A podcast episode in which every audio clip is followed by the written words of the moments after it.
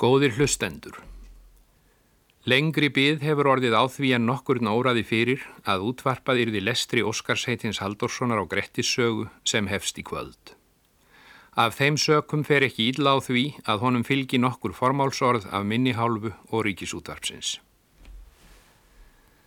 Það mun hafa verið sömarið 1981 sem það var það samkommulagi milli okkar Óskars að hann læsi sögunni inn á band og eru því liðin rösk þrjú ár frá því að hann laug sínu verki.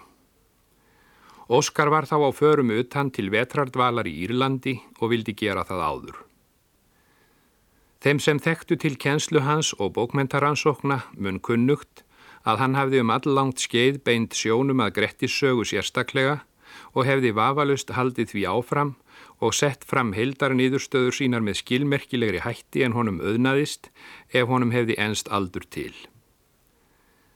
Þegar við fórum að ræða um fornsagnalestur var því ofur eðlilegt að hann veldi sér Grettissögu til lestrar umfram aðrar og sjálfgert að verða við þeirri ósk, en mörg framhaldssagan beð þá fluttnings eins og oft hefur borið við og var eldri á hljóðritanalistanum svo að í samkomulagi okkar Óskars fólst ekkert ákveðið fyrirheitum það hvenar lestrinum yrði útvarpað.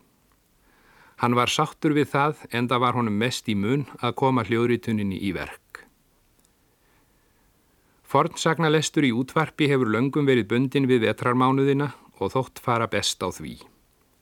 Tveiru vetur liðu þó án þess að Grettissögulestur Óskars kæmist á dagskrá og um það bil sem sá síðari var á enda runnin var lesarin allur og sömar fór í hönd.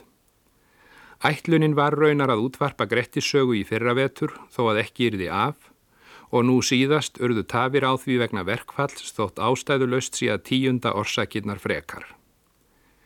En nú þegar lesturinn hefst má vel segja að hann hafi orðið svanasöngur Óskars Haldorssonar sem útvarpsmanns. Hann kom að vísu stöku sinnum við sögu sem upplesari í dagskrá útvarpsins eftir að Grettissögu lestrinum laug en hann var síðasta stóra verkefnið sem hann inti af hendi í þess þáu. Margir mætir menn og úrvalslesarar hafa fyrir og síðar lesið fornsögur í útvarp svo að eftir verður munað.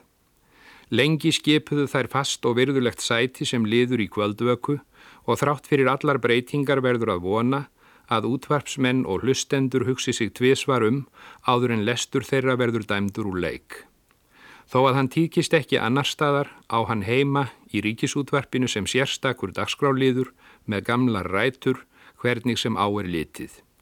En þá þarf líka úlvals lesara og góðan undirbúning ef vel á að vera. Það getur af ímsum ástæðum verið bísna afstætt hver talin er góður lesari. Það fer eftir því hvað lesið er og undir hvaða kringumstæðum. Smekkurinn er misjafn, einn fer betur með óbundið mál en bundið, ratt og tólkunarsviðið er misjafnlega breytt og svo framvís. En um Óskar Halldórsson er áreðanlega óhætt að segja að hann hafi verið fættur upplesari og það var þess vegna engin tilviljun hver virtur og vinsæl útvarpsmaður hann varð. Sumir halda að upplestur lærist, sitt hvað er til í því en það segir þó ekki alla söguna. Ef leikarar eru ekki eina starfstjettin þá eru þeir þó að líkindum svo fjölmennasta sem beinlínis lærir upplestur af því að ná að vera sérstök grein á námskráð þeirra sem stunda formlegt leiklistarnám. Úr hópi leikara hafa líka komið ímsir bestu upplesarar sem sögur fara af. Egið síður eru þeir eins og aðrir mjög misgóðir lesarar og er margt sem veldur. Upplestur er í raun og veru sérstök grein sem stundum virðist ekki úr vegi að líka við línudans. Talfærin og mannslíkaminn þurfa að láta vel að stjórn. Það er hægt að kenna mönnum öndun og rættbeitingu og veita þeim margvíslega þjálfun í leikrætni tulkun og tjáningu og alls konar teknibrellum, en allt kemur það fyrir lítið ef þá skortir röttina sjálfa sem sumum er gefin en öðrum ekki næmið og innlifunarhæfileikan til þess að lesa eftir efni og formi, skinja blæbrygði tekstans eða þeir falla í þá grefju að oftúlka hann með dramatískum tilþrifum því að þá er stundum skamt yfir í tilgerðina sem sjaldan leinir sér. Óskari Haldórsinni var gefin í vöggugjöf óvenjum júk og blæfögur rött sem í kvívetna hlíti eiganda sínum eins og gott hljóðfæri með breiðan skala. Hugur hans neigðist líka snemma að íslenskum fræðum í víðustu merkingu og síðar urðu þau námsgrein hans og kjenslugrein í skólum. Íslensk tunga og bókmentir að fornu og nýju voru indi hans og eftirlæti. Um völundarhús þeirra rataði hann vel og var gettur svo næmri og listrætni skinnjun að betri undirbúning gati ekki að því leiti fyrir góðan upplesara. Ég held hann hafi haft hvað mest indi af ljóðum, en það var sama hvort hann las bundið eða óbundið mál, innsægið og innlifunarhæfileikin vísuðu honum sjálfkrafa til vegar, en jafnframt var lestur hans svo eðlilegur og yfirlætislaus að varlagat farið í fínu tögarnar á nokkrum manni. Hann hitti jafnan í mark en skaut ekki yfir það. Og hann var gott dæmi um mann sem í senn gerði upplestur sinna þeirri list sem hann varð vegna meðfættra hæfileika og langrar þjálfunar sem setti punktin yfir íð. Það var óvenjulegt um Óskar að hann hafði um æfina verið nefandi og kennari í móðurmáli og bókmentum á öllum stigum íslenska skólakerfisins. Í upplestri, rattbeitingu og tulkun hafði hann notið leðsagnar Lárusar Pálssonar, þess leikara okkar Íslendinga sem einna frægastur hefur orðið sinnar stjættar manna fyrir að kunna þá list til hlítar og kenna hana öðrum en það var það síðar hlutskipti Óskars á samt öðrum störfum að kenna íslenskum leikaraefnum meðferð teksta og móðurmáls og sína þeim fram á samhengi ólíkra þatta sem saman fléttast hjá góðum leikurum og lesurum. Mér er enni minni þegar ég heyrði Óskar Haldórsson fyrst lesa í útvarp fyrir aldarfjórðungi eða svo. Hann var að lesa Hrafnkjellsögu Freyskoða, frægustu sögu östfyrðinga. Ég var skólapiltur fyrir norðan og held ég hafi síðan hlustað á alla lestrana sem eftir voru í það sinn. Setna tókust með okkur önnur kynni en hver skildi nú vera sá Íslendingur sem hlustað hefur á útvarp og ekki kannast við Óskar Haldorsson þótt horfin sé. Um 30 ára skeið kom hann við sögu í dagskrá ríkisútvarpsins og varð einn besti og vinsælasti lesarin í allir í sögu þess. Útvarpið og hlustendur þess mistu mikið þegar hann fjall frá fyrir aldur fram. En það er um rattirnar eins og segir í latneska málsættinum um hinn litlu bókar hver, þær eiga sér örlög. Hið gilda vald döðans forðaði Óskar í haldórsinni og hlustendum hans frá því að heyra brostinn streng í bilaðri hörpu eins og stundum kemur fyrir. Hún virtist enn varðveita sitt gamla lag þegar hann las þá fornsögu okkar sem samin var um það megin stef að sitt væri hvað, gæfa og gjörfileiki. Og hefst nú lestur Grettis sögu.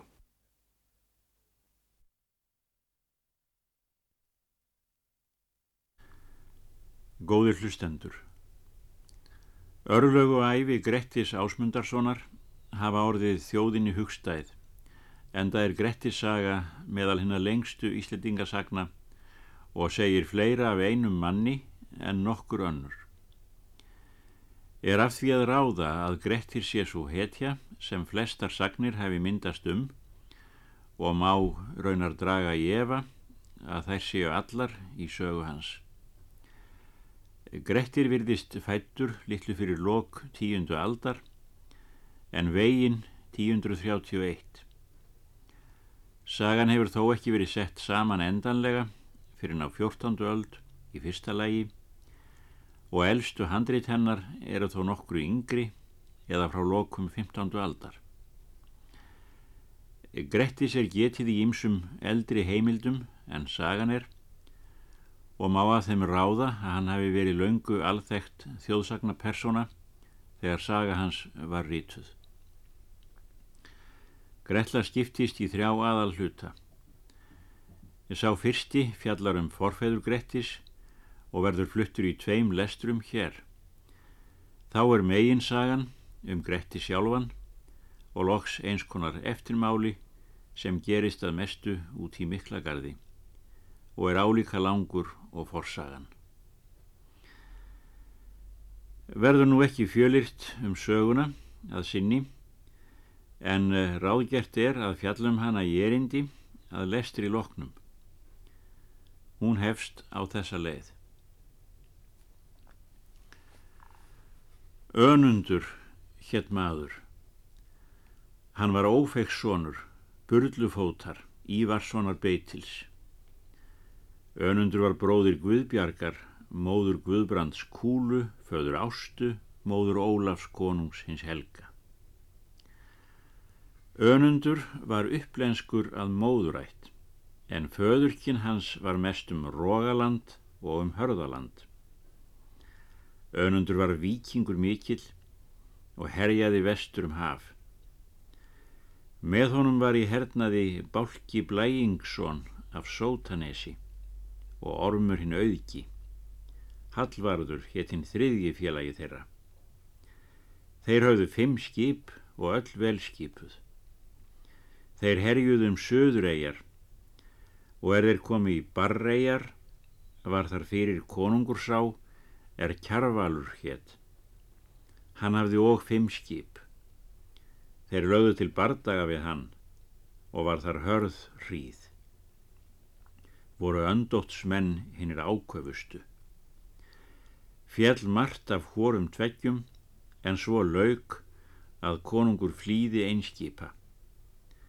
Tóku þeir önundur þar bæði skip og fjö mikið og sátu þar um veturinn.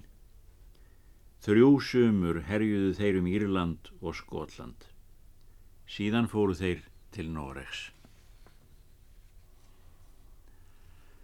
Annar kapitúli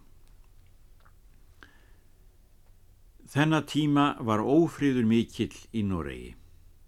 Braust þar til ríkis Haraldur Lúfa, sonur Haldanar svarta. Hann var áður konungur á upplöndum. Síðan fór hann norður í land og átti þar margar orustur og hafði hann jafnan sigur. Herjaði hann svo söður eftir landinu og lagði undir sig hvar sem hann fór. En er hann kom upp á Hörðaland, kom í móti honum múur og markmenni.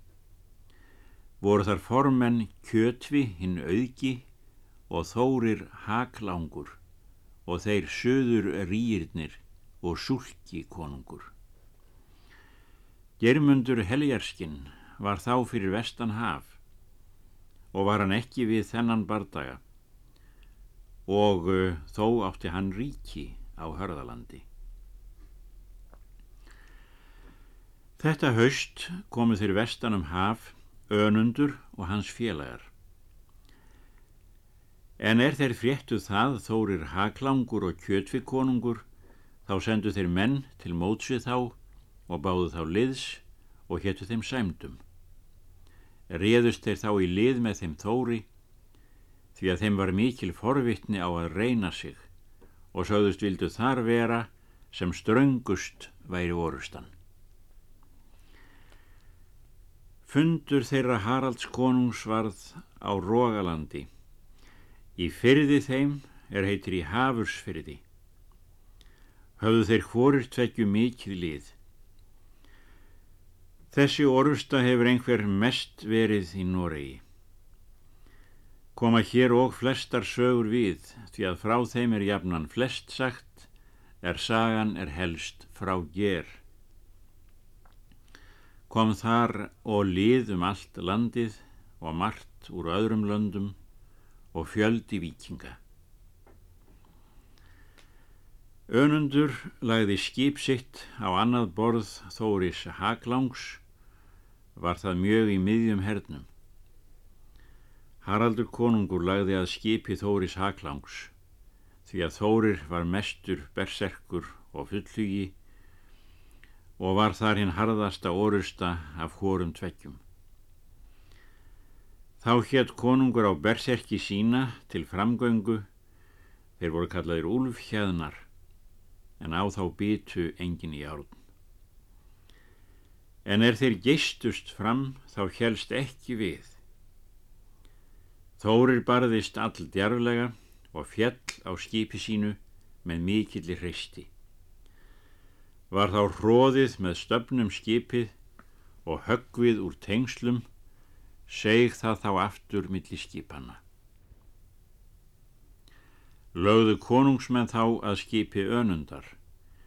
Hann var fram á skipinu og barðist drengilega. Þá mæltu konungsmenn. Þessi gengur fast fram í söksin. Látum hann hafa nokkrar vorar minjar að hann hafi komið í bardagan. Önundur stóð út á borðið öðrum fæti og hjóð til manns og í því var lægið til hans og er hann bara af sér lægið kiknaði hann við. Þá hjó einn á stabbúum konungs til önundar og kom á fótinn fyrir neðan kné og tók af fótinn. Önundur var þegar óvígur, fjell þá mestur hluti liðs hans. Önundi varð komið á skip til þess manns er þrándur hétt. Hann var Bjarnarsson, bróðir Eyvindar Austmanns. Hann var í móti Haraldi konungi og lá á annað borð skipi önundar. Þessu næst brast megin flóttin. Þeir þrándur og aðrir vikingar höfðu sig þá á brott hvers sem mátti og sigildu þegar vestur um haf. Önundur fór með honum og bálki og hallvarður súandi. Önundur varð grættur og gekk við trefót alla æfi síðan. Var hann af því kallaður önundur trefótur meðan hann lifði. Þriðji kapitúli Þá voru fyrir vestan haf margir ágætir menn Þeir sem flýð höfðu óðul sín úr Noregi fyrir Haraldi konungi, því að hann gerði alla útlæga þá sem í móti honum höfðu barist og tók undir sig eignir þeirra. Þá er önundur var gróin sára sinna, fóru þeir þrándur til móts við germund heljarskinn, því að hann var þá frækstur af vikingum fyrir vestan haf, og spurðu hvort hann vildi ekki aftur leita til ríkis þess er hann átti á hörðalandi og buðu honum fyllt sína. Þóttust þeir eiga eftir egnum sínum að sjá því að önundur var stór ættaður og ríkur. Germundur hvað þá orðin svo mikinn styrk Haralds konungs að honum þótti þess lítil von að þeir fengu þar sæmdir með hernaði, er menn fengu þá ósigur er aðvar dregin nálega allur landslýður, hveðst og eigin nenna að gerast konungsþræll og byggja þess er hann átti áður sjálfur. Hveðst heldur munu leita sér annara forráða, var hann þá og af æsku skeiði. Fóru þeir önundur þá aftur til Suðureia og hittu þar marga vini sína. Ófegur hétt maður og var kallaður Grettir. Hann var sonur Einars, Ölvissonar Barnakarls. Hann var bróðir Óleifs Breiðis, föður Þormóðar Skafta. Steinólfur var og sonur Ölvis Barnakarls. Fadir Unu er átti Þorbjörn Laxakarl. Steinmóður var enn sonur Ölvis Barnakarls, fadir Konáls, föður Áldísar hinnar barreisku. Sónur Konáls var steinmóður, fadir Haldóru er átti eilífur, sónur Ketilsins einhenda. Ófegur Grettir átti ásnýju Vestarstóttur, Hængssonar. Ásmundur Skegglaus og Ásbjörn voru sínir Ófegs Grettis en dætur hans voru þær Aldís, Æsa og ásvör. Ófegur hafði stokkið um hafvestur fyrir ófríði Haraldskonungs, svo og Þormóður skafti, frændi hans, og hafði með sér skuldalið sitt. Þeir herjuðu um Skotland og víða fyrir vestanhaf. Þrándur og önundur trefótur ætluðu til Írlands vestur á fund Eyvindar Austmanns, bróður þrándar. Hann hafði landvörn fyrir Írlandi. Móðir Eyvindar var Hlýf, dóttir Rolfs Ingjaldssonar, fróðasonar konungs. En móðir þrándar var Helga, dóttir Andótts Kráku. Björn var fadir þrándar og Eyvindar, sonur Rolfs frá Án. Hann stökkur Gautlandi fyrir það að hann brendi inn í sig fast má sölva konungs. Síðan hafði hann farið til Noregs um sumarið og var með grími hersi um veturinn, síni Kolbjarnar Sneipis. Hann vildi myrða björn til fjár. Þaðan fór björn til öndóts kráku, er bjó í hvinisfyrði á augðum. Hann tók vel við byrni og var, var hann með honum á vetrum, en herjaði á sumrum þar til er hlýf kona hans lest. Eftir það gifti öndóttur Helgu dóttur sína byrni og let Björn þá af herförum. Eyvindur hafði þá tekið við herskipum föðursins og var nú orðin höfðingi mikill fyrir vestan haf. Hann átti raförtu, dóttur Kjarvals Írakonungs, þeirra sinir voru þeir Helgi, hinn Magri og Snæbjörn. En er þeir þrándur og önundur komu í söðureigjar, fundu þeir þá ófeg Gretti og Þormóð skafta og gerðist með þeim vinátta mikil því að hver þóttist annan úr helju heimtan hafa, þannig eftir hafði verið í Noregi meðan ófriður var sem mestur. Önundur var hljóður mjög og er þrándur fann það, spurðan eftir hvað honum bjó í skapi. Önundur svarar og hvað vísu. Í vísunni segir hann að sér sé ekki glatt, síðan auksinn vann honum tjón, því að flestum muni nú þykja lítið til sín koma. Þrándur hvað hann þykja mundu röskvan mann, þar sem hann væri þá helst. Er þér sá til að staðfesta ráð þitt og kvongast, skal ég áleggja orð mín og liðsynni til ef ég veit hvar þú horfir á.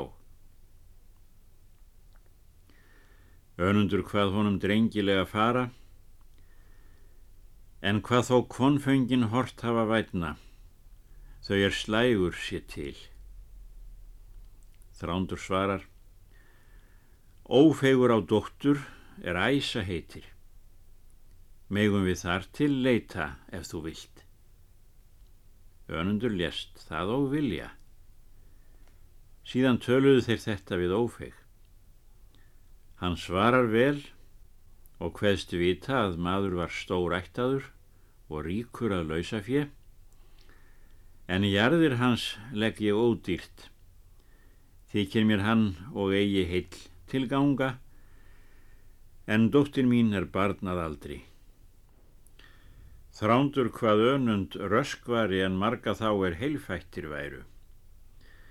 Og með liðveislu þrándar var þessu keift og skildi ófegur gefa dóttur sinni heimann lausafjö því að jarðir þær sem í Noregi voru vildu hvorugir fjö kaupa. Littlu síðar fjekk þrándur, dóttur Þormóðar skafta, skildu þær sítja í festum þrjá vetur.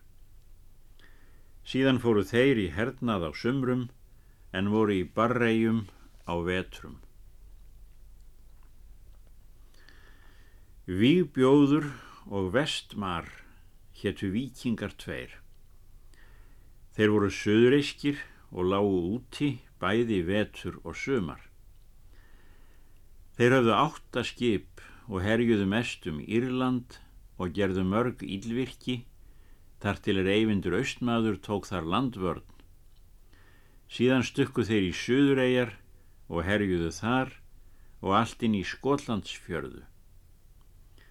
Þeir þrándur og önundur fóru til móts við þá og spurðu að þeir höfðu silt inn til eigjar þeirrar er bót heitir. Nú koma þeir önundur þar með fimm skipum og er vikingar sjá skip þeirra og vita hversu mörg eru, þykjast þeir hafa nóan liðsabla og taka til vopna sinna og leggja skipunum í móti. Önundur bað þá leggja skip sín millir hamra tveggja. Þar var mjótt sund og djúft.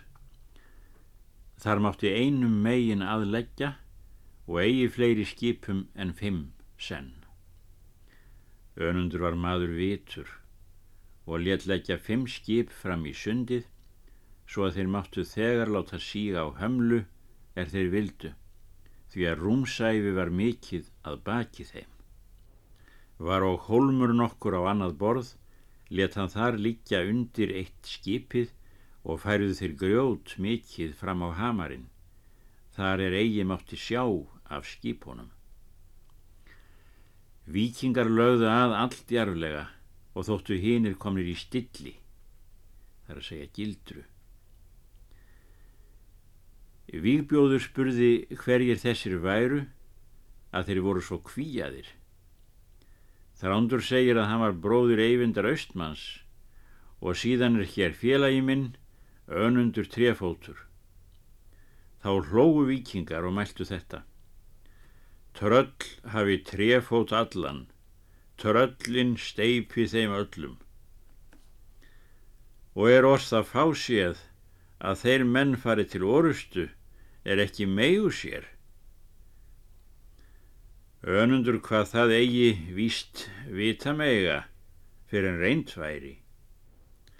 Eftir það lögðu þeir saman skipin, tóst þar mikill bardagi og gengu hórir tveggju vel fram. Og er festist bardaginn, let önundur sígast að hamrinum. Og þá er vikingar sáu það, hugðu þeir að hann myndi flýja vilja og lögðu að skipi hans og undir hamarinn sem þeir máttu við komast. Í því byli komu þeir fram á bjargið er til þess voru settir. Færðu þeir á vikingana svo stort grjót að ekki helst við. Fjall þá fjöldiliðs af vikingum en sumir meittust svo að eigi voru voppfærir. Þá vildu vikingar fráleggja og máttu eigi því að skip þeirra voru þá komin þar sem mjóst var sundið. Þröngdi þeim þá bæði skipin og ströymur en þeir önundur sóttu að með kappi þar er výbjóður var fyrir en þrándur lagði að vestmari og vannst þar lítið að. Þá er fælkaðist fólkið á skipi výbjóðs, réðu menn önundar til uppgöngu og hann sjálfur. Það sá výbjóður og eggjaði með ákafa lið sitt. Sneri hann þá í móti önundi og stukku flestir frá. Önundur bað menn sína sjá hversu færi með þeim, því að önundur var rammur að afli.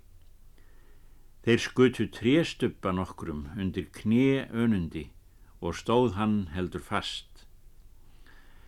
Víkingurinn sótti aftan eftir skipinu, allt þar til er hann komað önundi og hjóð til hans með sverði og kom í skjöldin og tók það af er nam, síðan hljóp sverðið í stuppan, þannig önundur hafði undir knénu og varð fast sverðið. Vígbjóður laut er hann kipti að sér sverðinu. Í því hjó önundur á aukslina svo að aftók höndina, þá var vikingurinn óvígur. Þá er vestmar vissi að félagi hans var fallin, hljóp hann á það skipir istlá og flýði og allir þeir er því náðu. Eftir það rannsökuðu þeir valin. Vígbjóður var þá komin að bana. Önundur gekk að honum og hvað. Sjáðu hvort sár þín blæða, sástu nökkuð mig hrökkva. Auðslöngvir fjekk öngva, einfættur af þér skeinu. Meir en mörgum snerru, málskálp lægið hjálpar, brjótur er að þegni þrautir, þrekvandur en higgjandi. Í síðari hlutavísunar minnir önundur kappan á að mörgum sé meir gefin mælgi en vitsmunir, hann sé ekkert hraustmenni í þraut. Þeir tóku þar herfang mikið og fóru aftur í barregar um haustið. Femti kapitúli Annað sumar eftir byggust þeir að fara vestur til Írlands. Þá réðust þeir bálki og hallvarður vestur um haf og fóru út til Íslands því að þaðan voru sagðir landkostir góðir. Bálki namn land í hrútafyrði. Hann bjó á bálkastöðum hvorum tveggjum. Hallvarður namn Súandafjörð og Skálavík til Stiga og bjóð þar. Þeir þrándur og önundur kom á fund Eyvindar Östmanns og tók hann vel við bróður sínum en er hann vissi að önundur var þar komin þá var þann reyður og vildi veita honum aðgöngu. Þrándur bað hann eigi það gera. Hvað það eigi standa að gera ófrið norrænumannum allra síst þeim er með engri óspekt fóru. Eyvindur hvað hann farið hafa fyrr og gert ófríð kjarval konungi. Sagði hann nú þess skildu gjalda. Áttu þeir bræður lengi tala um þetta. Allt þar til er þrándur hvað eitt skildu ganga yfir þá önund báða. Let þá Eyvindur sefast. Dvöldust þeir þar lengi um sumarið og fóru með þeim Eyvindi í herfarir Þótti honum önundur hinn mestir hreistimaður. Fóru þeir til söðureia um haustið. Gaf eyvindur þrándi arf allan eftir föður þeirra ef björn andaðist fyrir en þrándur. Voru þeir nú í söðureium þar til eftir kvæntust og nokkra vetur síðan. Sjötti kapitúli og sögunni víkur snakvast til Noregs. Það bar næst til tíðinda að Björn, fadir þrándar og eyvindar, andaðist og er það frétti grímur hersir fór hann til móts við öndótt kráku og kallaði til fjárins eftir Björn en öndóttur hvað þránd eiga arf eftir föður sinn. Grímur hvað þránd fyrir vestan haf, en, en björn göskan að ætt og hvað konung eigað erfa alla útlenda menn. Öndóttur hvaðst að halda mundi fjennu til handa þrándi dóttur síni sínum. Fór grímur við það á brott og fekk ekki af fjárhentunni. Þrándur spurði nú lát föður síns og bjóst þegar af söðuregjum og önundur trefótur með honum. En þeir ófegur Grettir og Þormóður Skafti fóru út til Íslands með skuldalið sitt og komu út á eirum fyrir sunnan landið og voru hinn fyrsta vetur með Þorbirni Laxakarli. Síðan námu þeir gnúpverja hrepp. Ófegur nam hinn ytra hluta á millið þverár og kálvár Hann bjó á ófegsi stöðum hjá Steinsholti. En Þormóður nam hinn eistra hlut og bjó hann í Skaftaholti. Dætur Þormóðar voru þær Þórvör, móðir Þóróts goða á Hjalla og Þórvje, móðir Þorsteins goða, föður Bjarnar hins spaka. Nú er að segja frá þeim þrándi og önundi að þeir sigildu vestanum haf til Noregs og fengu svo mikið hraðbyri að enginn njóst fór um ferð þeirra fyrir þeir komið til öndóts kráku. Hann tók vel við þrándi og sagði honum frá tilkalli því er grímur hersir hafði haft um arf bjarnar. Lýst mér betur komið frændi að þú erfir föður þinn en konungsþrælar Hefur þér og gæfusamlega tiltekist, er engin maður veit um ferði þínar, en grunar mig að grímur stefni að öðrum hvorum okkar ef hann má. Vil ég að þú takir arfin undir þig og hafir þig til annara landa. Þrándur hveðst svo gera myndu, tók hann þá við fjennu og bjóst sem skindilegast í brott úr Noregi. Áður en þrándur síldi í haf þá spurði hann önund trefót hvort hann vildi eigi leita til Íslands. Önundur hveðst áður vilja finna frændur sína og vini söður í landi. Þrándur mælti. Þá munum við nú skilja. Vildi ég að þú sinnaðir frændum mínum, það er legðir þeim lið, því að þángað mun hemdum snúið ef ég kemst undan. Mun ég fara út til Íslands og svo vildi ég að þú færir. Önundur hétt því, skildu þeir með kærileikum, fór þrándur út til Íslands. Tóku þeir ófegur og þormóður skafti vel við honum.